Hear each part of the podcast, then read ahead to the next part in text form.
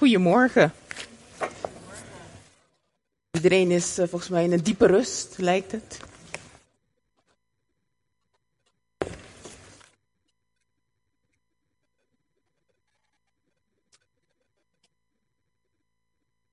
Nou, ik vind het in ieder geval uh, geweldig om hier te mogen staan, om uh, met jullie te delen vanochtend. Um, en we starten met de PowerPoint. Um, waar ik het vanochtend over wil hebben is kerkjargon. Want dat is iets dat mij de afgelopen tijd um, heel erg uh, bezig uh, hield en houdt. Weet iemand dat ik zeg jargon? Uh, weet iemand wat jargon überhaupt is? Taal, heeft iets te maken met taal. Wat nog meer? Wat nog meer is jargon?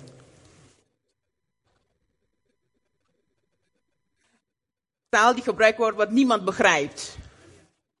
Ja, nou, dat uh, vind ik wel een hele goede uitleg. Elk vakgebied heeft zo zijn eigen jargon. Maar wat is jargon? Ik, we hebben het al gehoord, in ieder geval een soort vaktaal. Het is een vorm van taalgebruik die binnen elk vakgebied gebruikt wordt. Um, door vakmensen gesproken wordt. En ja, soms en heel vaak moeilijk te volgen is voor een buitenstaander. Het is vaktaal gericht op communicatie. Tussen mensen die een bepaalde vak uitoefenen. Um, maar bij jargon is het net een beetje anders. Nog steeds vaktaal. Maar dan zie je een bepaalde verband tussen. Um, ja, het, het wil de band tussen een bepaalde groep versterken. Um, door het gebruik van moeilijke woorden. Waardoor de buitenstaander ja, een beetje buitengesloten voelt uiteindelijk. Daar komt het op neer. Dus wat ik al zei, ieder vakgebied heeft zo, zijn eigen jargon. Um, als we kijken naar advocaten, rechters, nou, noem maar op, um, medisch jargon.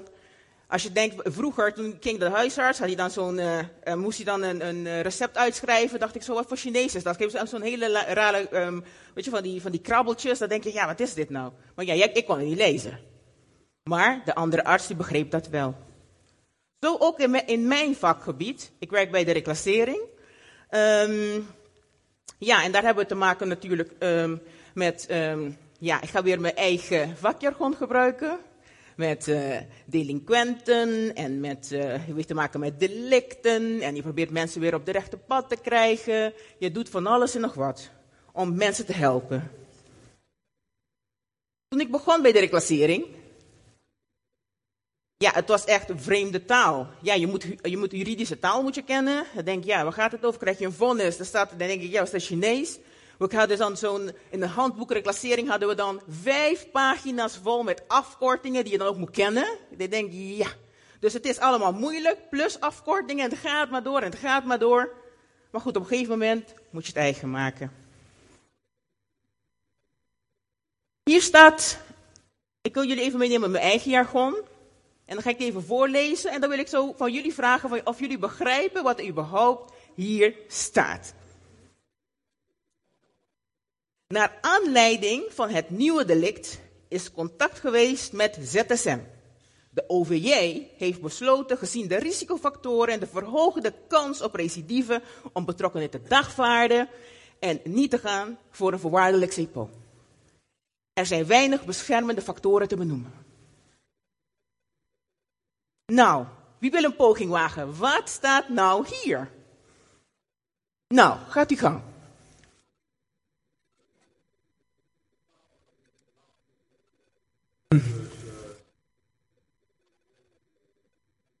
Ja.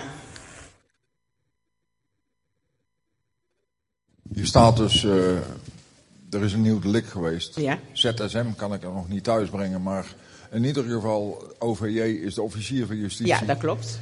En daar wordt dus een, nieuwe rechtszaak voorbereid tegen deze persoon. En het uh, uh, voorwaardelijk CEPO, ik vermoed allemaal dat het een voorwaardelijke invrijheidstelling, dat wordt uh, waarschijnlijk teniet gedaan om dat er te veel risicofactoren zijn in het, het traject van deze persoon. En dat hij daardoor of terug naar de gevangenis gaat of naar een kliniek. Nou, in ieder geval aardig in de buurt. Nou, Mooi. En ZSM, nou, dat is weer. ja, precies, zo denk ik, zo snel mogelijk. Nou, ZSM is een aanpak um, en het is dan, laat maar zeggen, en het heeft te maken met zo snel mogelijk. Maar ja hoor, ZSM staat voor zo spoedig, selectief, slim, samen en simpel mogelijk de zaak aanpakken. Daar staat ZSM voor. Maar dat zijn de afkortingen waarmee je te maken hebt bij justitie. Het is heel veel afkortingen, maar er staat voor heel veel. Maar uiteindelijk, wat hier staat is, in ieder geval komt aardig overeen met wat u vertelt. Naar aanleiding van een nieuw delict, dus iemand heeft een nieuw delict gepleegd. Um, er is contact dus geweest met ZSM, dat is een werkwijze. Daar zit de reclassering, daar zit um, slachtofferhulp, politie, een officier van justitie. Iedereen samen om te kijken. Maar het gaat om delicten, bijvoorbeeld iets van iemand heeft een, uh, iets gestolen. Of, iemand heeft, of, of, of, een jongere die rijdt op een fiets en die, die is dronken en die, die, die fietst en die rijdt langs en um, steekt zijn voet uit en trapt alle spiegels af van de auto. Bijvoorbeeld, zoiets. Dat dat dan tijdens het SEM in ieder geval besproken wordt. En een voorwaardelijk CPO is in ieder geval, dat klopt, dat ze zeggen van goh joh, we gaan het nu, we gaan nu niet afstraffen, maar we kiezen gewoon om, uh, nou, en als je het nog een keer doet, dan gaan we je afstraffen. Dus daar komt het op neer. En beschermende factoren, dat zijn van, goh, dat iemand wel een woning heeft, dingen die zijn die iemand helpt. Dus dat zijn beschermende factoren. Maar goed, dat was mijn vakjargon. En toegespitst op de kerk eigenlijk. Heel vaak, en ik noem het kerkjargon dan, want um, heel vaak worden woorden gebruikt in de kerk die ja, wel eens best wel moeilijk zijn. Of die een buitenstaander helemaal niet begrijpt. Of kinderen helemaal niet eens begrijpen. Maar heel vaak, wij als kerkgangers ook helemaal niet. Ik las in het, uh, hier heb ik zo meteen wat voorbeelden die ik met jullie ga doornemen. Maar ik las een stuk in het Nederlands Dagblad en daarin stond, zonder kerkjargon krijg je al gauw een versimpeling.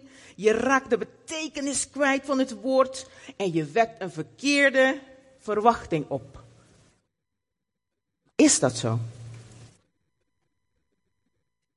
Voorbeelden van kerkjargon. In die zin bijvoorbeeld zeg ik naar Gracious Heavenly Father. Dat hebben we ooit ergens gehoord. Of laat uw geest waaien hier in ons midden. Laat uw ziel vervuld zijn met de liefde van de Heer. De Alpha, de Omega. Jezus mijn redder. Kom in mijn hart en verander mij. Leef vanuit het bovennatuurlijke. Dat zijn allemaal ja, kreten, of ik zou ze noemen, taal die in de kerk hoort. Maar, en daar, en daar zit, zit het hem in voor mij dan, is het alleen maar woorden die we in de kerk horen? Zijn het woorden die wij echt begrijpen? En zijn het woorden die daadwerkelijk werkelijkheid zijn in ons eigen leven? En daar gaat het hier over vandaag. Ik las een blog op uh, geloofswoer.nl en, en het raakte mij, want ik vond het wel heel mooi wat deze meneer zegt. Want iets wat heel moeilijk is in christendom, is eigenlijk het gebruik van taal.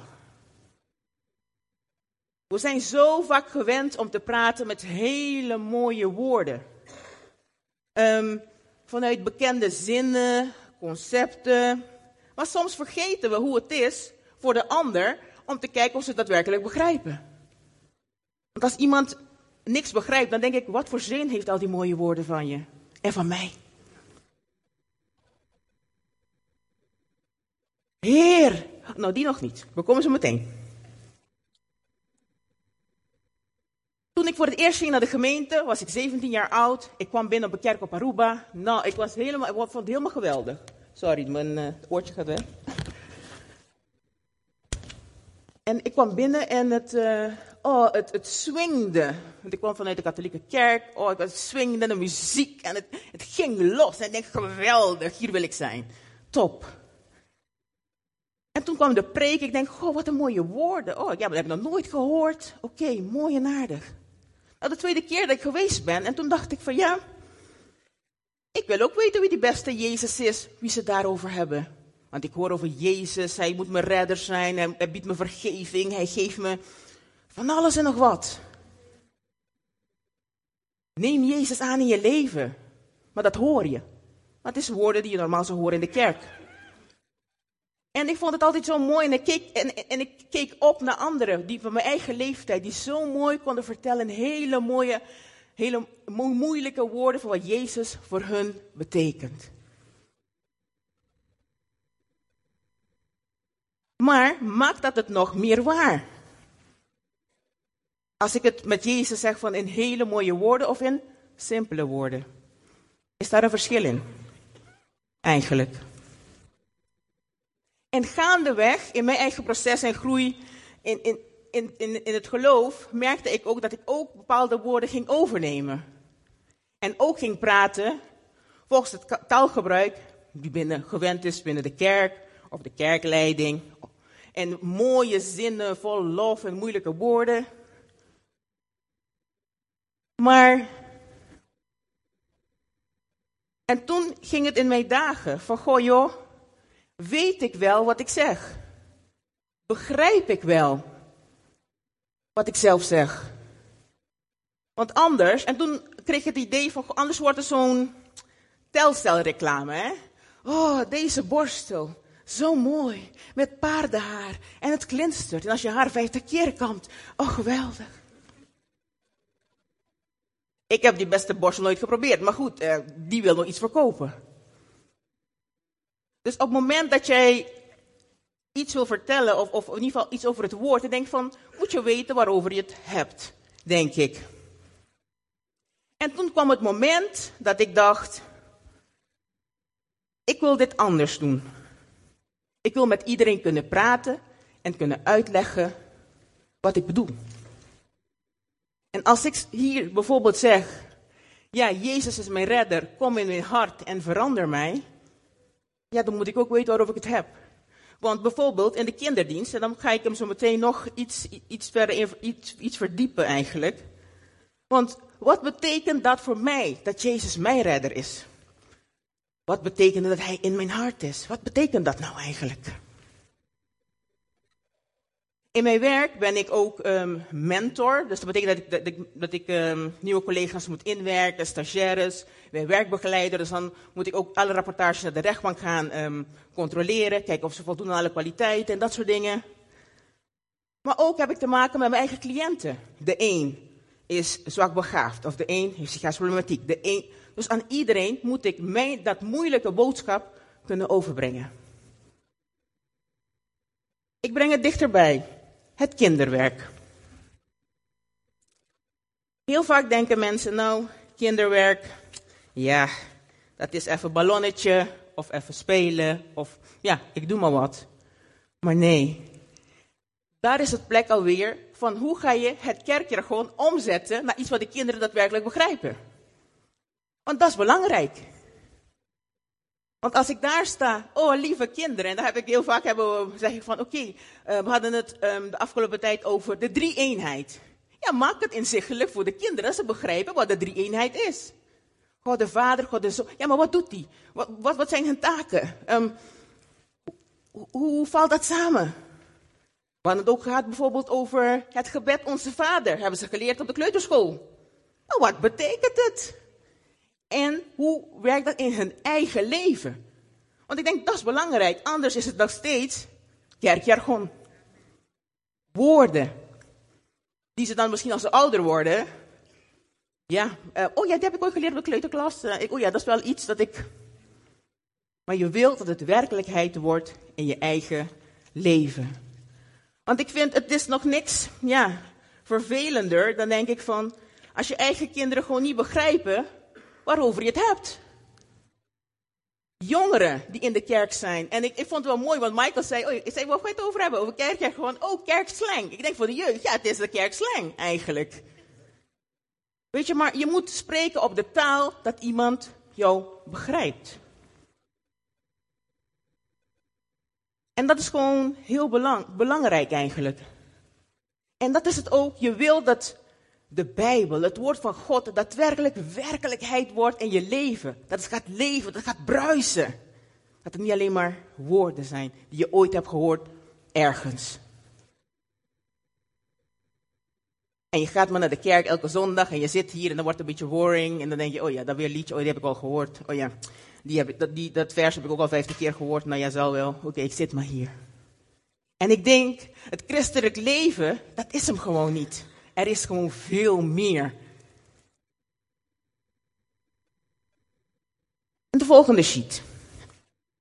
En waar komt het uit, op, uiteindelijk op neer? Oké, we kijken naar deze plaatje.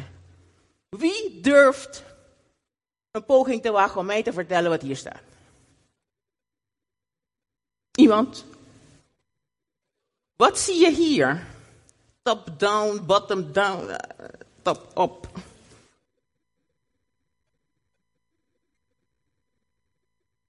ga je gang.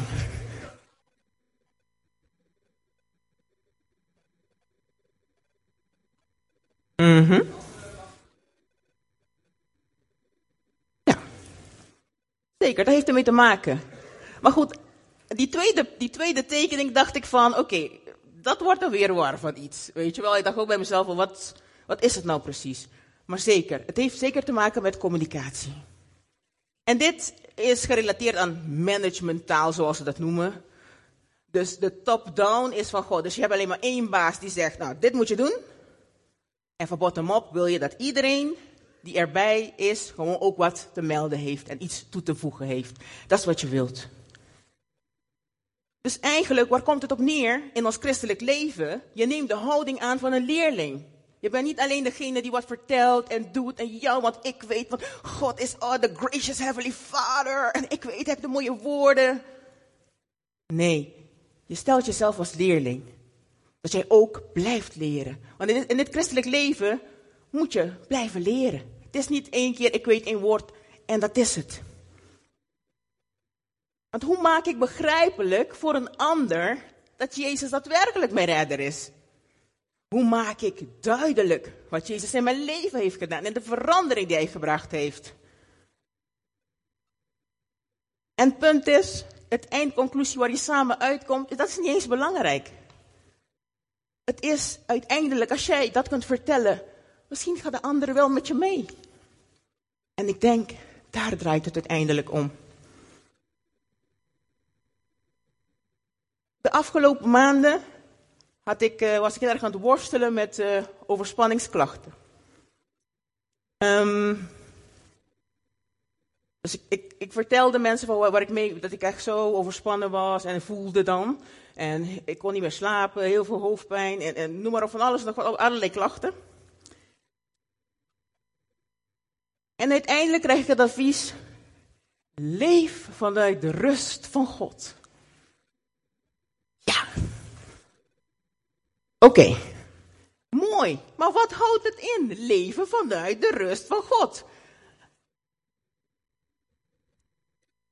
Ja. Rust is niet mijn sterkste punt. Ik weet niet zo goed hoe het is om in rust te zijn. Om te ontspannen. Ik ben een, een analyticus puur zang. Dus ik ben altijd, ik wil alles weten. Ik moet weten van hoe het zit, hoe, wat, waar. En ik ben echt iemand, ik wil, in mijn beleving is er voor alles een oplossing. Dus ik ben altijd op zoek naar, oké, hoe ga ik dit doen, hoe ga ik doen? Dus mijn hoofd, mijn hoofd drijft overuren. Ik anticipeer op alles. Ik ben altijd duizend stappen vooruit. En dan ga je mij zeggen, leef vanuit de rust van God. Ja, want ik, ik heb geen idee wat die rust moet zijn. Eigenlijk. Stuur mijn man altijd om boodschappen te doen. Want keuzes maken is ook niet mijn sterkste kant. Ik sta voor, de, voor zo'n schap en er staat gewoon tien soorten pindakaas. Nootjes, geen nootjes, dik, dun, weet ik veel. Ja, ik sta daar een half uur lang. En hij komt, pak wat en we zijn klaar.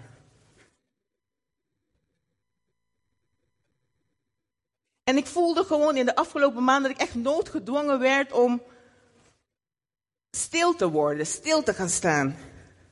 En ik ben zelf op zoek gegaan naar wat betekent het nou om vanuit die rust van God te kunnen leven. De volgende sheet.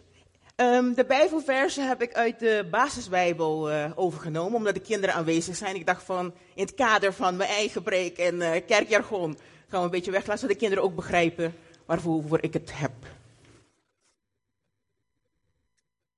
Een aantal dingen zijn me heel duidelijk geworden. Als het gaat over leven vanuit de rust van God.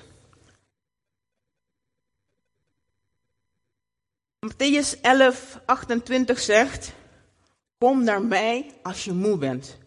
Kom naar mij als je gebogen gaat onder het gewicht van je problemen en ik zal je rust geven. Mooie vers. Zeker weten. En ik wilde elke keer naar God gaan, want ik wil die rust. Heer, hoe kom ik in die rust? En ik moest leren, als het gaat om overgave, niet alles in mijn eigen kracht te willen doen. Want wat ik al vertelde, ik ben iemand die voor alles een oplossing wilt en moet hebben.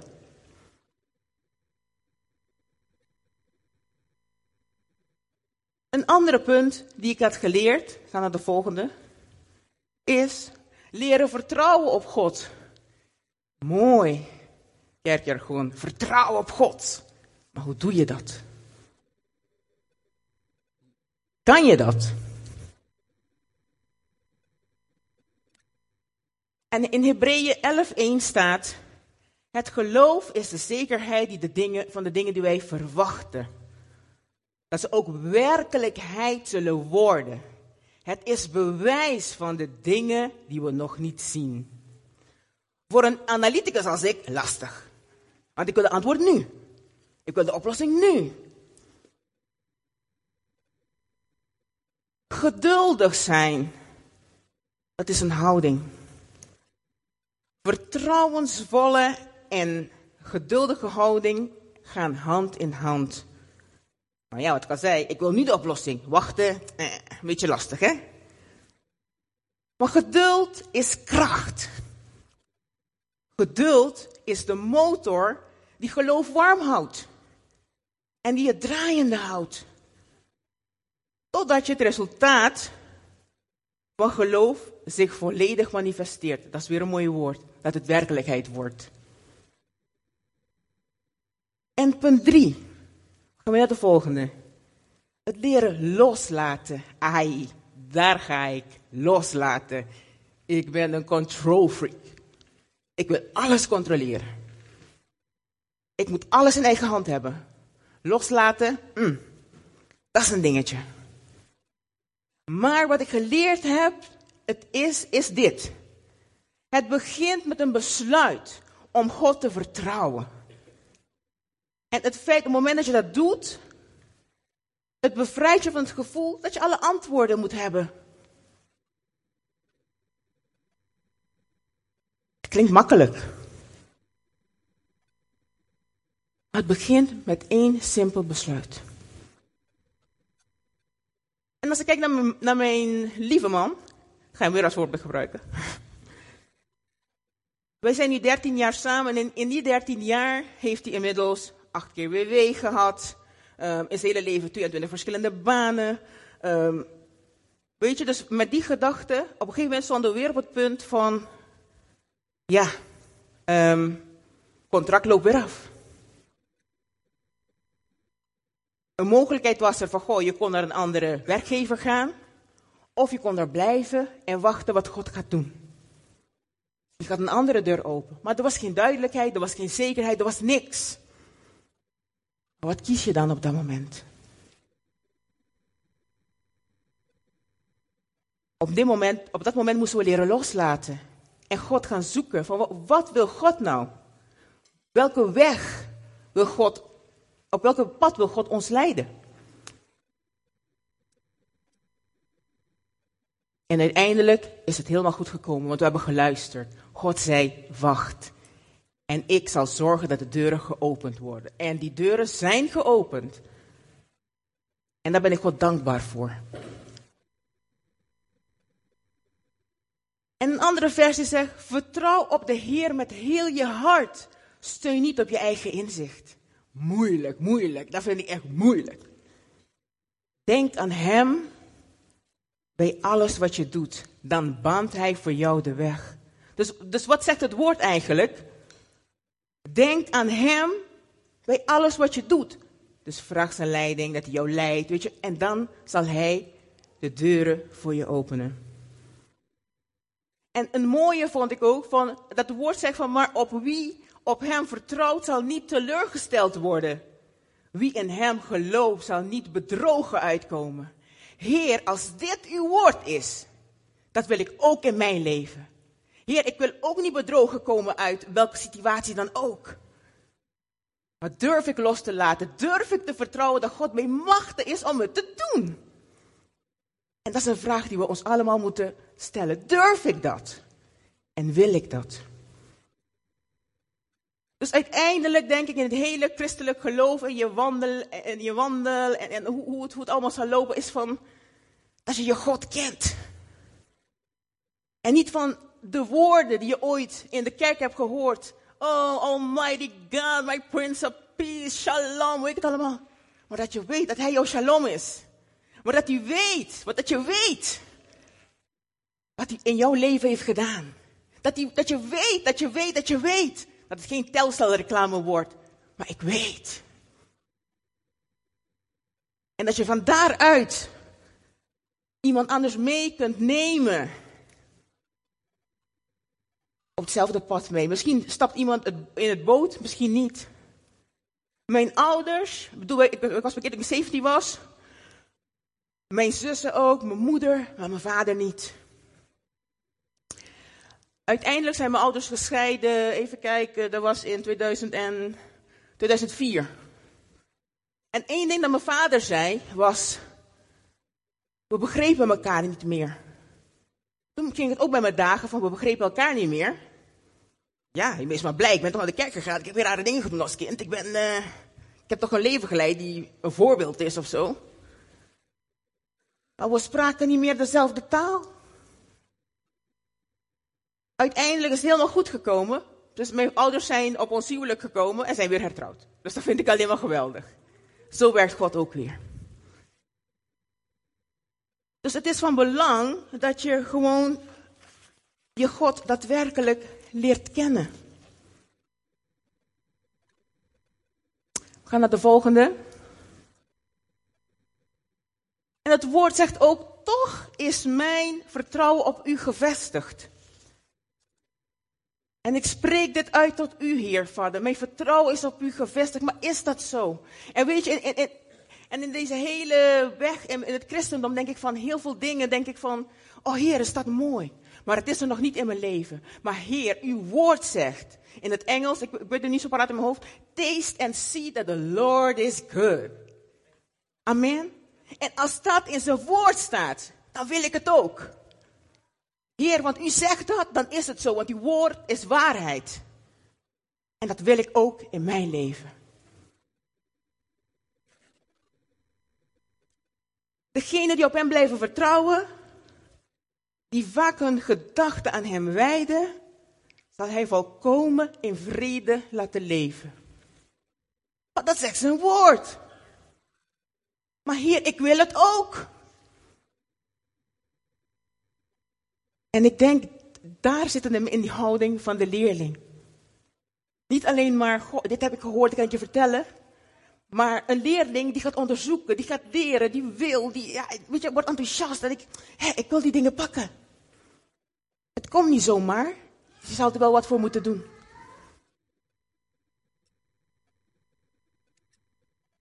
En dan wil ik je vragen om dat filmpje even te draaien. En ik heb een liedje hier van Martin Brandt en het, en het raakte mij. En luister gewoon, dus de tekst staat er ook bij. Want hoe kan ik vertellen, hoe kan ik zeggen dat ik van Jezus hou? Hoe kan ik zeggen van alles en nog wat, al die mooie woorden? Ik het zelf niet heb als ik, als ik niks te vertellen heb. Hoe? Jullie vragen, luister even daarnaar en dan ga ik zo meteen nog verder.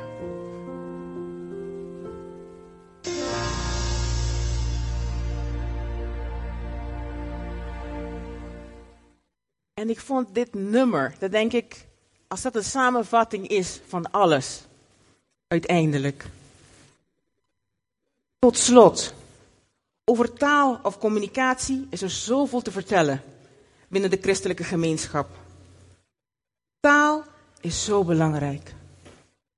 Al ben je soms zo van iets overtuigd en je wilt het met anderen delen, als je je overtuiging niet goed kan, kunt overbrengen, dan heb je er maar weinig aan. Want dan hakt de ander al snel af. En zo denk ik ook aan de jeugd, aan de kinderen. Wat geven we hen mee? Laat het woord van God niet alleen kerkjargon zijn, maar laat het werkelijkheid worden in je leven. Vanuit een, een, een honger en een dorst dat je wil dat God, dat doe het ook in mij. Dat we niet met z'n allen hier komen, mooie woorden kunnen spreken. Zijn loze woorden, lege woorden. Wat ik al zei, dat het je verlangen zijn van Heer, als het in je woord staat, wil ik het ook in mijn leven. Zodat ik ook kan getuigen van die goedheid, wat hij in mij doet. En wat hij in mij hebt. Dat vond ik een mooi voorbeeld van Carla. Dan denk ik, ja, je rijdt langs en je bidt. En ik keek naar een, een, een, een, een eh, op, ik, ik ook kijk naar Netflix. En er was een, een, een serie over Je, Je, Jezus AD. En op een gegeven moment um, laten ze dat stukje over um, dat de Heilige Geest kwam.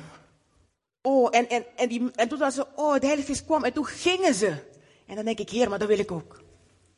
Ik wil niet alleen maar iets kunnen vertellen zonder dat het dat alleen maar telcel blijft. Een telcelreclame. Die bottom-up bottom benadering. Niet alleen maar wat van hier verteld wordt. Maar wat vertel jij? En wees ook kritisch over jouw uitleg die jij geeft. Bid en zoek God. Er wordt ook gezegd in die nummer. Voor iedereen is dat een andere pad hoe jij God vindt. In de afgelopen maanden, toen ik het echt dacht van, oh, ik, mijn ogen kon niet meer open blijven. Ik was blij met mijn app. Ik werd voorgelezen. En zo hoorde, kon ik alsnog het woord lezen. En tenminste horen. Er zijn verschillende manieren. Zoek wat voor jou werkt. Wees een doener van het woord. Wees betrokken bij de gemeente. Blijf niet aan de zijlijn staan. Heel veel van ons zijn al betrokken. Maar ben je nog niet betrokken? Kijk wat je kunt doen en wat je kunt betekenen. Dat God door jou kan werken. En Jacobus roept ons op om doeners te zijn van het woord. Maar weet je wat hij besefte? Hij besefte dat de kracht van God ligt in het doen van wat er in zijn woord staat. We moeten het woord dat wij lezen en horen, daadwerkelijk leven. Dan zullen we, in ieder geval, dan kom ik weer bij de kerkjargon, de manifestatie zien. Maar manifestatie is dat het werkelijkheid wordt. In je leven. Dat de kracht van God in je zal zijn. Laat het woord leven. Door het elke dag te beleiden. In de filmpje van vorige keer hadden jullie ook gezien van toen ik een, over die, met dat sporten, dat ik zei dat ik een hele negatieve zelfbeeld had. Ik ben naar psycholoog geweest, ik ben naar weet ik veel, maar niemand kon me helpen. Maar ik ging beleiden, Heer, uw woord zegt, ik ben een parel in uw hand. En dat is wie ik ben. Ik ben gaan zoeken, maar wie zegt God dat ik ben? Ik ben vrijgekocht. Ik ben zijn dochter, dat is wie ik ben. En waarom moet ik verwachten van wat de andere van me vindt? Niet belangrijk, maar wat God van mij vindt. En dat dat werkelijkheid wordt in je leven. Dat het woord, dat het je leven verandert. Want als je dat werkelijk wat mee doet, blijf je niet hetzelfde. Het kan niet zo zijn dat je bekeert, van het moment van bekering en je bent 80 en er is niks gebeurd. Dat, kan niet. Anders dien je geen levende God. Amen. En dat is wat ik jullie mee wil geven. En ik hoop, echt van het diepste van mijn hart, misschien ben ik te enthousiast of weet ik veel, maar dat is gewoon wat ik anderen gun. Dat je leven niet een, een lege christelijk leven is, vol met kerkjargon en wat dan ook. Maar dat je wel een leven hebt die, waar je wel voor de ander kunt zijn. Gewoon durft in geloof uit te stappen, bidden. Ik had een, een, een, een in mijn werk bedoel ik, dan ga ik niet direct van, oh je moet Jezus aannemen. Ik gebruik van alles en nog wat over het geloof op een andere manier, dat ik het wel kan inzetten. Op een gegeven moment kon ik wel voor een, voor een echtpaar bidden. tijdens mijn werk. En ik denk, wauw, Heer, zo kan het ook. Ik zei tegen hun van, er was zoveel verdriet en pijn. Ik denk, ja, ik kan je sturen naar duizend psychologen. Maar ik weet zeker, dat ga je niet helpen. Maar één ding, wat ik voor jou kan doen, is bidden. En we hebben samen gebeden. Oh, wat waren die mensen dankbaar? Het durven. En te stappen in geloof. Amen. En dan wil ik wel even, in ieder geval als de muzikanten willen komen, dat we dan even samen gaan staan en samen gaan bidden. Dat het na vandaag niet meer, je hebt geen excuus. Echt. Dat het alleen maar kerkjargon blijft in je leven.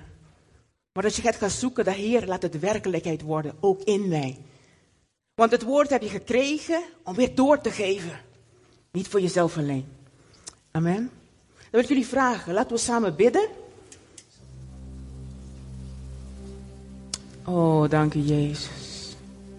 Mm, halleluja. Halleluja. Halleluja. Dank. Mm, halleluja. Oh, dank je Jezus. Halleluja. Dank je Heer. Halleluja. Mm, Laten mijn woorden echt Halleluja. zijn. En het begint, en ik denk voor jezelf waar je nu staat. Het begon voor mij met een besluit. Heer, ik wil. En als dat ook jouw verlangen is, spreek hem tot hem uit. Wat jouw verlangen is. Halleluja, dank je Jezus. Dank u Heer. Halleluja. Laten mijn Halleluja, dank u woorden simpel zijn.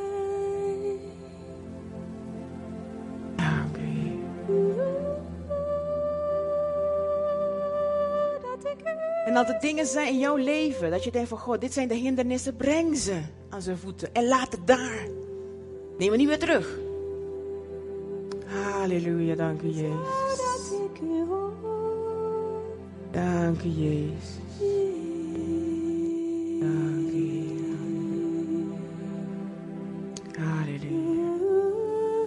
Vader God, ik breng al mijn broeders en zusters hier voor uw troon van genade, Heer.